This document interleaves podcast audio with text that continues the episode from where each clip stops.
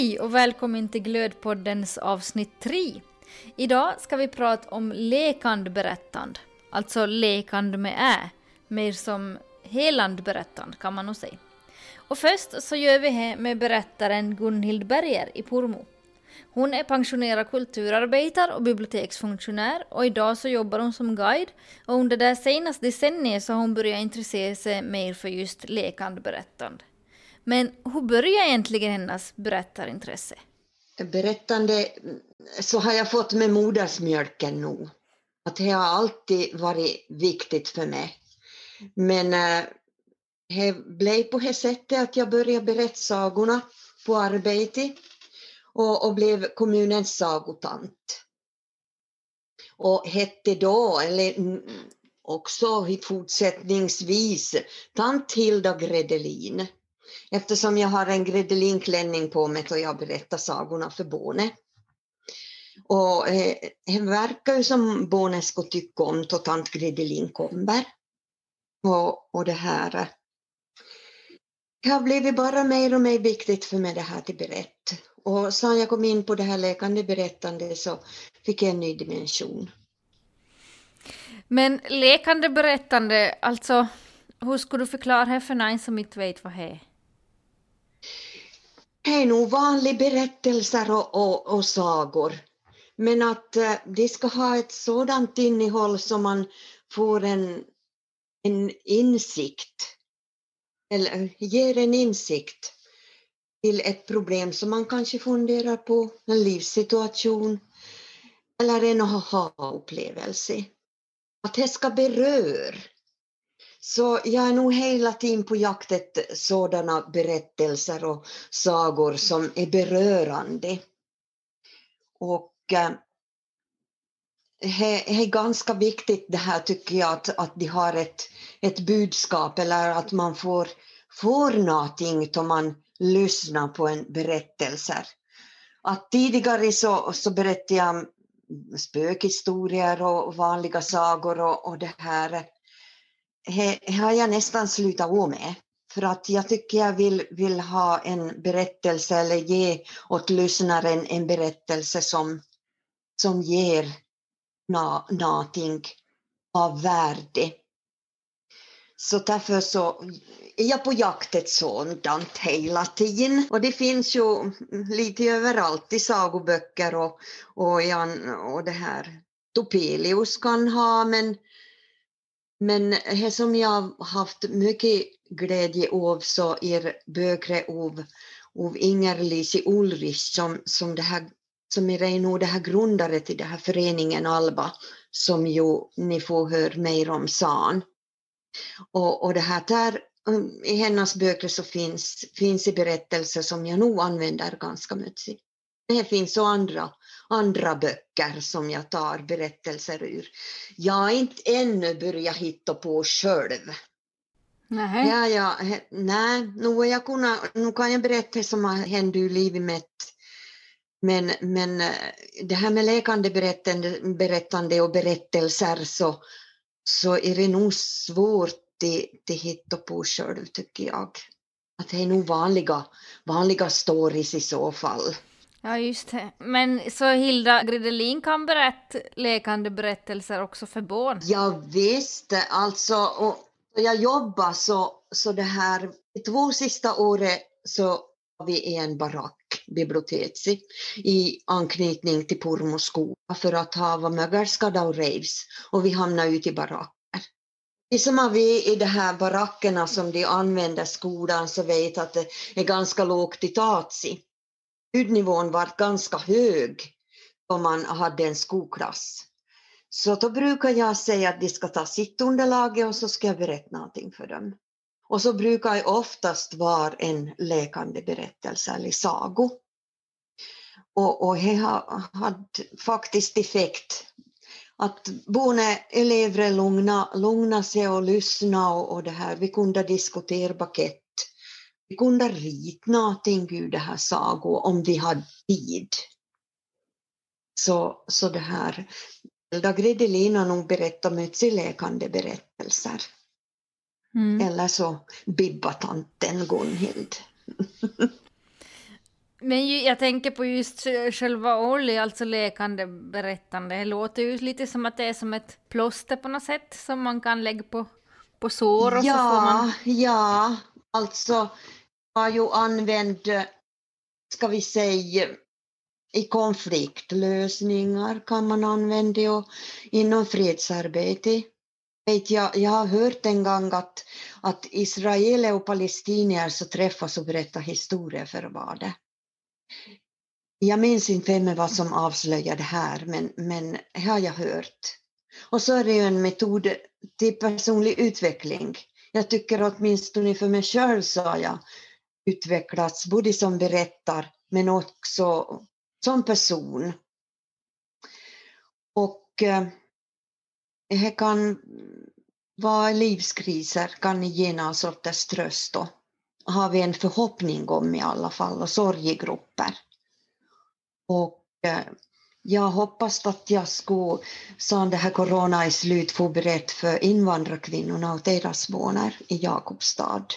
Men här har inte jag fått förverkliga någonting ännu. Och, och, och det här, jag vet att det är de som har varit till Kosovo och, och det här, Annika Martikainen i Vasa till exempel. Så, så det här eh, används i ett stort nätverk det här. Men du sa att det är som att man ska vara berörd och att det ska finnas en berörande punkt. Men häskon, alltså mi, min erfarenhet är nog att det utmärker all, all typer av berättande egentligen, att det är som kärnan i en berättelse på något sätt. Nå visst, men, visst. men, men vad är det som är just lekande berättande som gör att man då slutar till bråk eller, eller vad det nu kan vara? Ja, då jag var på en kurs med, med just med det här Inger-Lisi så hade vi, hade vi att man skulle slippa aggressioner. Och det här, vi hade en övning med att man, man hade med om någonting som lämnar som en tagg in i. Och, och det här så fick vi öva oss berätt, berätt på ett visst sätt. Och, och det här, så det skulle försvinna i det. Och åtminstone för mig personligen så funkar det. Så, men om vi säger att, att det här, en läkande berättelse kan ge sammanhang till liv i vårt och, och det här, så får man en rik inre värld, att det stimulerar fantasin. Och det är ju all berättelser. Och så kanske man kan börja se i, i det här från en annan synvinkel, att man, vi vill att jag ska få en aha-upplevelse. Och att det ska väcka kanske empati och att man ska vara mer tolerant. Och, och det här kanske kunna samarbeta mer. Och, så det är det som vi är på jakt efter. Men jag tror att all berättare vill att det ska beröra och att man ska minnas den här berättelsen och sånt om man var hem om man är på ett berättarkafé och på det sättet. Jag tänkte Gunhild att du ska få ge ett exempel. Du hade en äh, kinesisk sago som du ville berätta. Jo, jag har det och som kanske belyser det här lite som, som jag har sagt.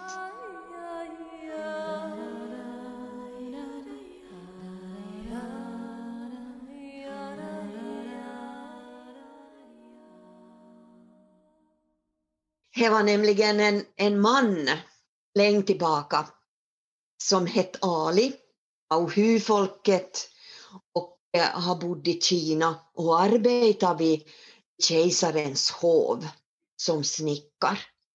Han var fattig och enda glädje i livet så det var, det var flickor hans. Sali Maj hette hon. Och Ali har knogat på och en dag var arbeta med någonting på golvet så då han skulle stiga upp så svartnade för ögonen. Kanske jag hade i till rokot och var lite trött och svag. Så, så han tog stöd och han skådade inte ett och var, då var så de trött att vad tog i så, så då bockade till en kejsarens dyrbar vase som vinkade och kull och gick i tusen vetar. Förstås var det när som sprang och skvallrade strax till hovi, kejsaren, vad som hade hänt. Kejsaren vart ju jättearg och hela hovi kom ju springande och skådade och det här, det var ju katastrof för Ali. Och vad du har gjort, skrek kejsaren, jag ska döda dig. Så gjorde ju Ali någonting som man absolut inte fick göra. Han tilltalade den höge kejsaren och sa Förlåt mig, jag ska betala det här Vasi, jag lovar att jag ska arbeta och betala. Sa kejsaren, som du skulle kunna betala henne. Inte fast du arbetar hela livet så får du det betala. Nej, du ska dö. Men då började ju kejsaren fundera att nu var ju alldeles för enkelt för till slå ihjäl det simpel arbetarna hade ju tråkigt förstås. Så jag tänkte jag, jag ska ta och testa lite så får jag ha lite roligt. Så han sa, hör du Ali, jag skulle vilja ha svar på fyra gåtor. Och kan inte du det här om tio dagar så då mistar du huvudet. Jag vill veta, Airi som är svartare än bottenstekpannu. Och så vill jag veta och vad som är klarare än en spegel. Du ska säga vad som är starkare än stål och dessutom djupare än havet. Vet inte du det så då var det nog färdig med det, sa kejsaren och så sopa iväg. Ali var ju förtvivlad. Han hade inte en blekaste aning om vad det här betydde. Vad var svartare än botten på en stekpanna? Nej, och klarare än en spegel. Det finns ju inte. Och inte finns det någonting som är starkare än stål. Och vad djupare än havet? Nej, han kunde inte veta det. Och han grubblade och grubblade. Då jag kom hem så såg ju dottern, sa Limaj, att det nog var papp hennes någonting. Så hon frågade papp, vad är det? Nej, inte det någonting. Jag kunde inte berätta vad som hade hänt. Hon skulle vara så ledsen. Men han kunde inte äta och han kunde inte sova, han bara funderade. Och dagar gick. Och varje dag för jag hade gått nio dagar och han var inte närmare Sverige. Så vad skulle jag ta sig till? Då frågade nog Sali-Maj, Ova, nej hör du papp, vad är det egentligen? Nu får du nog så lov att berätta åt mig. Och då kunde han inte hålla sig. Så han sa, vet du, jag har haft sönder kejsarens dyrbar golvvasi. Och, och, och kommer säkert till slå i helmet och jag inte vet svaret på de här gåtorna som har frågat om mig. Nå, vad är det då? frågade dottern.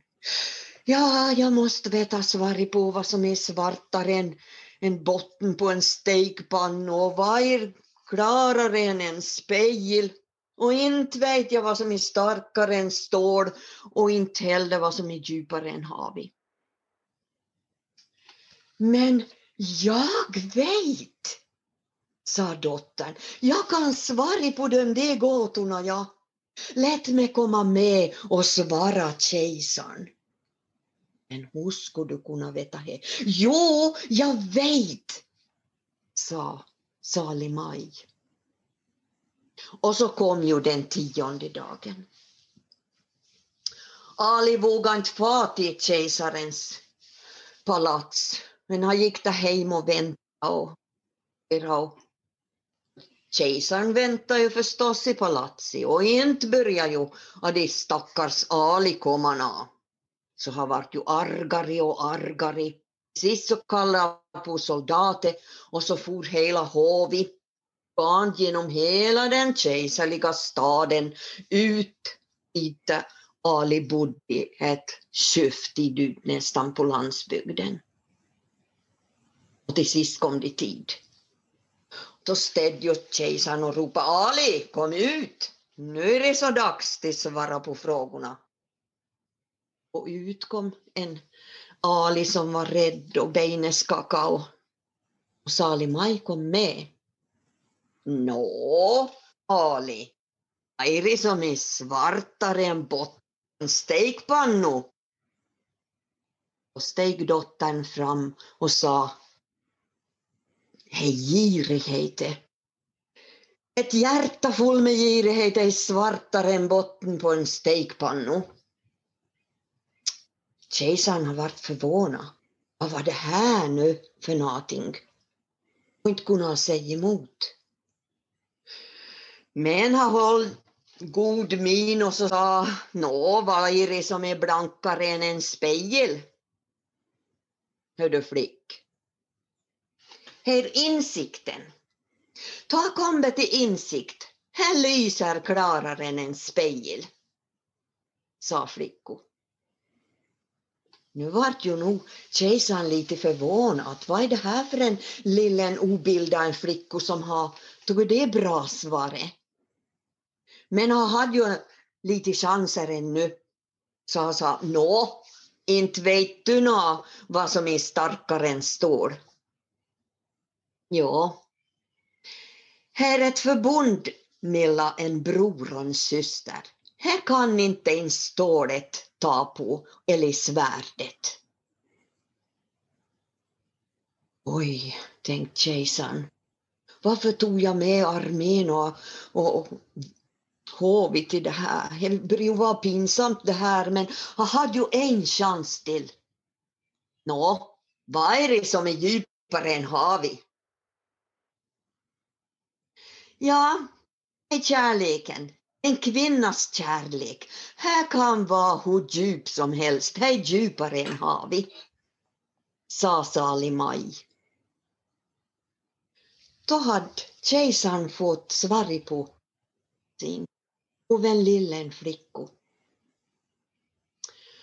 Då har svängt sig om stod ju armén där och all, hela hovet och så han ropade försvinn dem och så gick han röd i ögon och arg och generad rätt tillbaka palatset. Men ni ska veta, berättelsen om Sali Maj, hennes klokhet, har vi många gånger runt världen. För så är berättelsens kraft.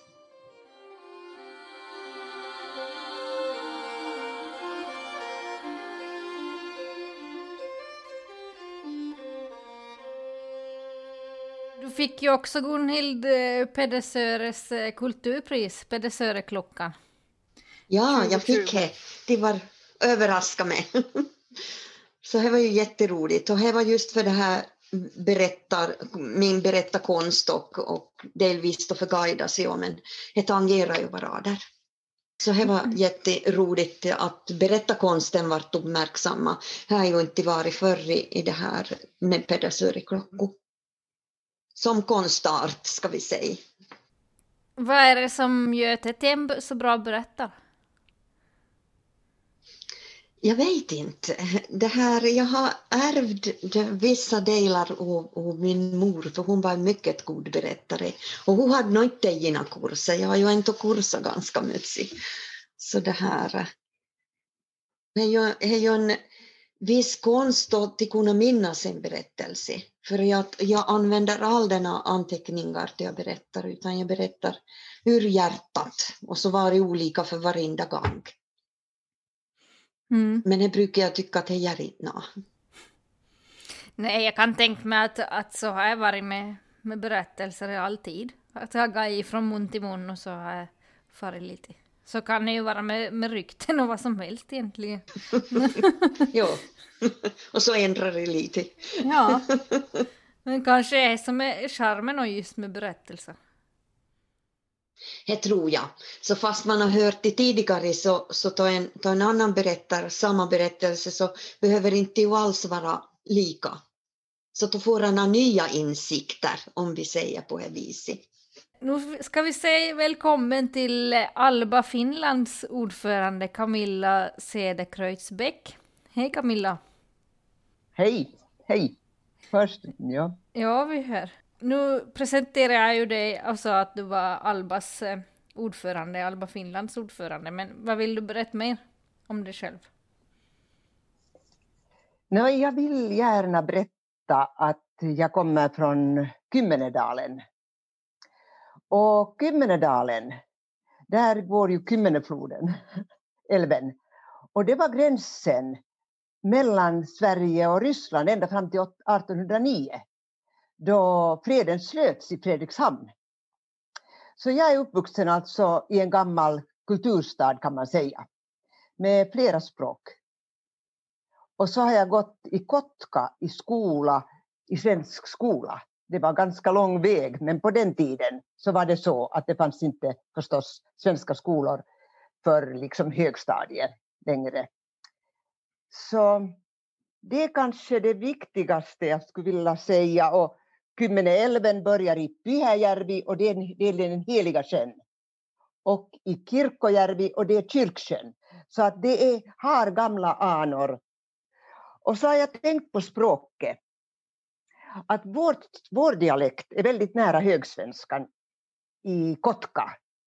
Men till exempel ordet, vi spelar mycket boboll. Alltså, boboll var liksom vår sport i Fredrikshamn och i Kotka. Så då talar vi om koppi till exempel, att man tar koppi. Och det är väl kanske ett typiskt ord, alltså jag är ingen etymolog, men som är från den trakten. Men sen tror jag ju nog att, att många ord har vandrat så att inte det är väl nu så annorlunda. Men det språk jag talar är liksom en blandning av den här östra finlandssvenskan blandad med lite ryska och finska. Och sen då nu när jag bor i Helsingfors i lockout så får jag inte så mycket intryck, men kanske då radion, förstår du. Så att det här är nu min, min liksom bakgrund. På, du sa att det fanns ryska influenser i, i ditt språk. På vilket sätt?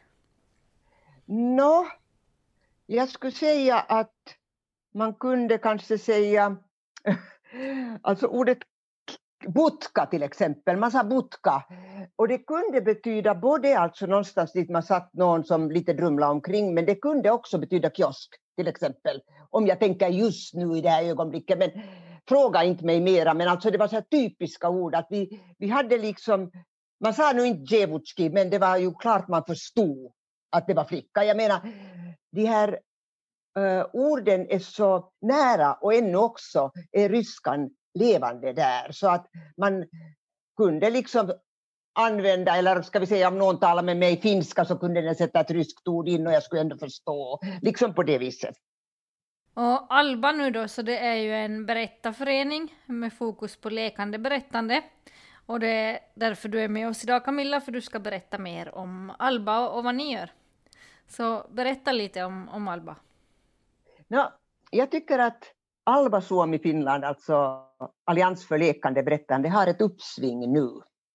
Men klart att det här uppsvinget har liksom funnits en tid. Det är ju en ganska ny förening, alltså sen grundades 2005 i Järna i Helsingfors och som, som Gunhild sa här, den här Ålrich, Inge, Inge, Inger Lise Ålrich, så hon är liksom grundare och Märta Uggla förde det, kan man väl säga då, till, till Finland och det grundades här 2013 och så här.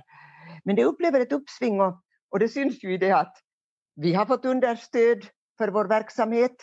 Vi gör streaming, vi gör Zoom, vi har mycket kontakter i Finland med olika föreningar som också håller på med muntligt berättande. Det är ju det muntliga som här är alltså vitsen. Det är ju det här mötet som är vitsen. Det, det är alltså, där finns en liksom djupt liggande poäng i mötet.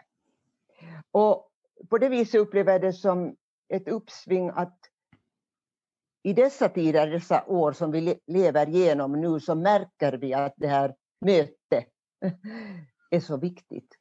Och vi kanske inte alltid får den där insikten om varför.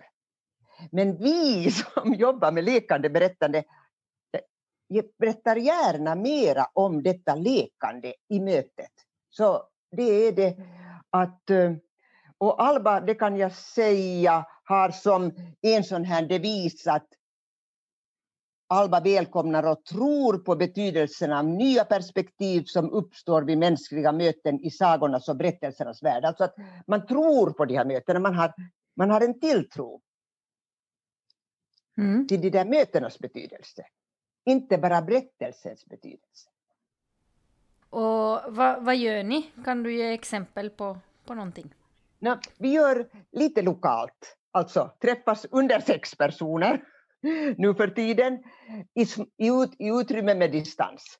Och så berättar vi. Och då har vi alla en personlig touch, alltså det finns inga regler direkt för vad du ska berätta, hur du ska berätta. Men är du medlem så har du vårt fulla förtroende i, detta, i denna berättarsituation. Sen gör vi då till exempel på, med samarbete, till exempel story sharing. Vi ställer upp i story sharing, för story sharing har samma uppfattning om mötets betydelse, att man träffas vid ett bord, alltså fem personer vid ett bord och delar på en, enligt en metod, delar berättelser enligt en metod som till exempel är bra för integrering.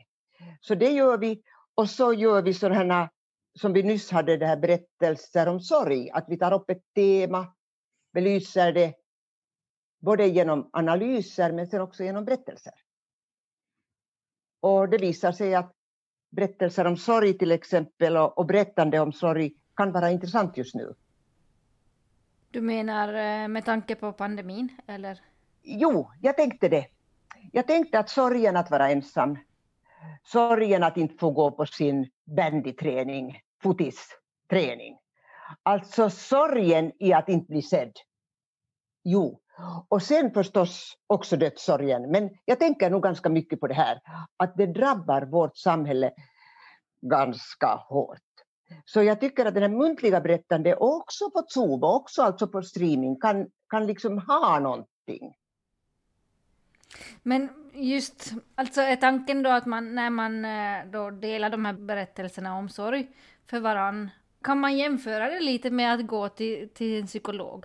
Jag skulle säga, alltså ur min synvinkel, och, och jag som, så det är ju högst personligt, så är det så att när du möter en person i berättande, så är det personen eller personerna i ringen som bestämmer ditt, ditt berättande. Alltså det är de som tar över. Du är fånge, du går dit till Bibba med de här barnen som är sjuåringar. Och du kommer in där, precis som Gunhild berättade, och det blir tyst när du börjar berätta. Och de liksom bestämmer. Så när du berättar så i den där atmosfären, det vet alla som har berättat, så händer det saker. Och det är deras det är deras annorlundaskap, det är deras annanhet som bestämmer mig. Det är då jag blir en berättare, bara genom dem. Jag är ingen berättare när jag vandrar hemma och dricker te. Det är absolut ingen berättare, jag är, inte, jag, är, jag, är jag. Men när jag sitter med barnen så blir jag en berättare.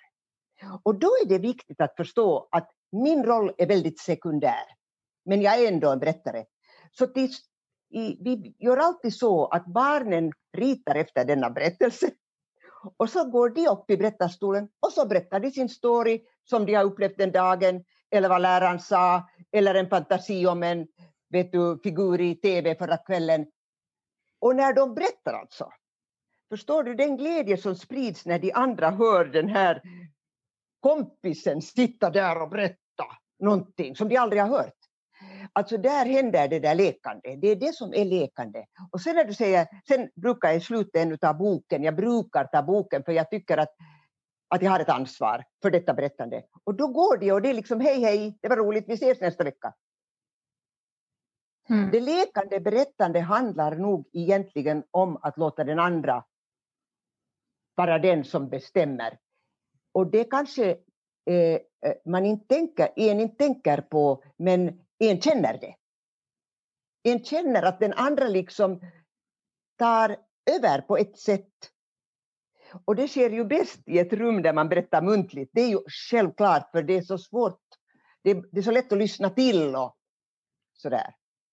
Men det, det som du nämnde här med, med sorg och, och det som ni har haft nu, eh, det riktar väl sig inte till barn, eller var det så? Nå, no, det riktar sig inte till barn, nej jag tycker inte, utan det handlar ganska mycket om den här äh, äh, frågan om hur, det handlar, alltså halva programmet halva, handlar för vuxna tycker jag, och andra halvan var hur man använder böcker med barn som har sorg eller olika känslor eller rädsla eller ensamhet. Så det, handlade, det var två saker, men det var absolut icke för barn.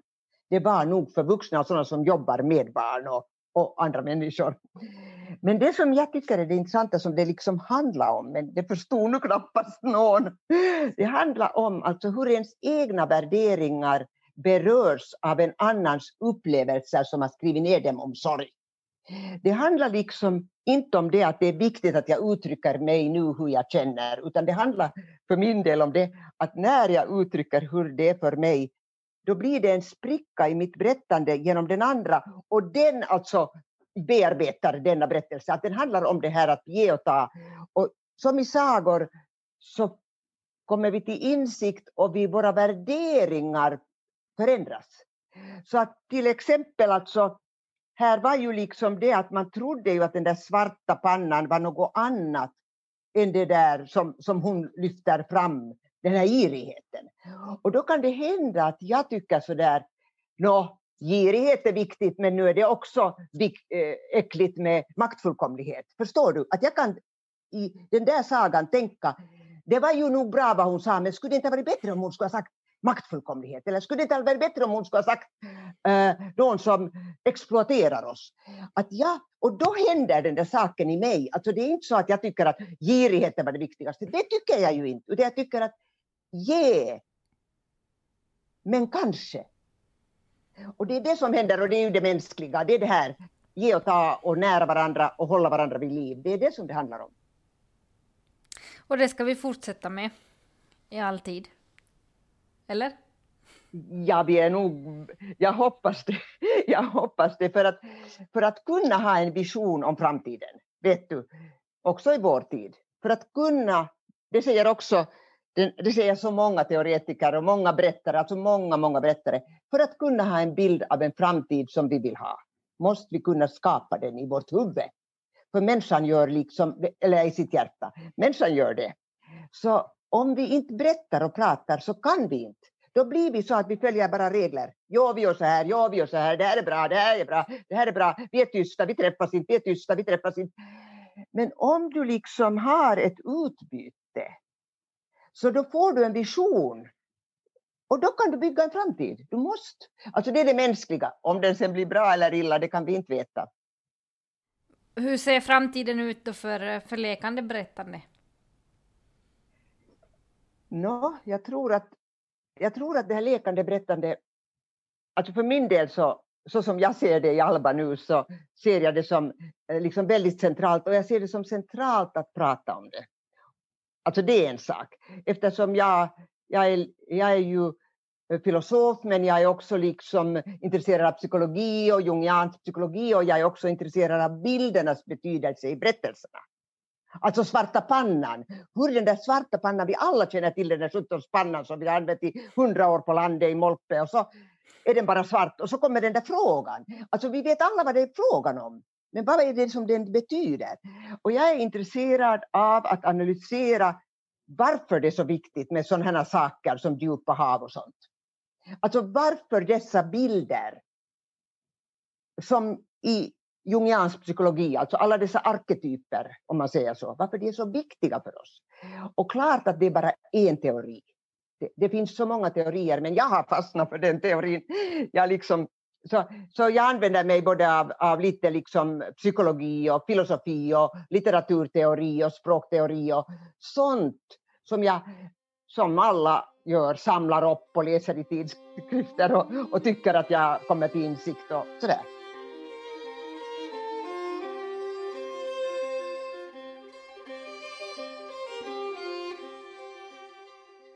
Det var allt för idag, men vi hörs igen om en månad för 15 maj kommer nästa avsnitt ut. Så länge du väntar på det kan du till exempel få in på Glöds hemsida www.berattarglod.com. Där finns kontaktuppgifter, mer info om Glöd, om den här podden och om allt du kan tänkas vilja veta. Jag heter Ida Berg, producent är Jenny Holm, musiken är gjord av Jessica Ripa och layouten av Ulrika Öhman. Den här podden görs med stöd av Svenska folkskolans vänner och Svenska kulturfonden. Stort tack för det!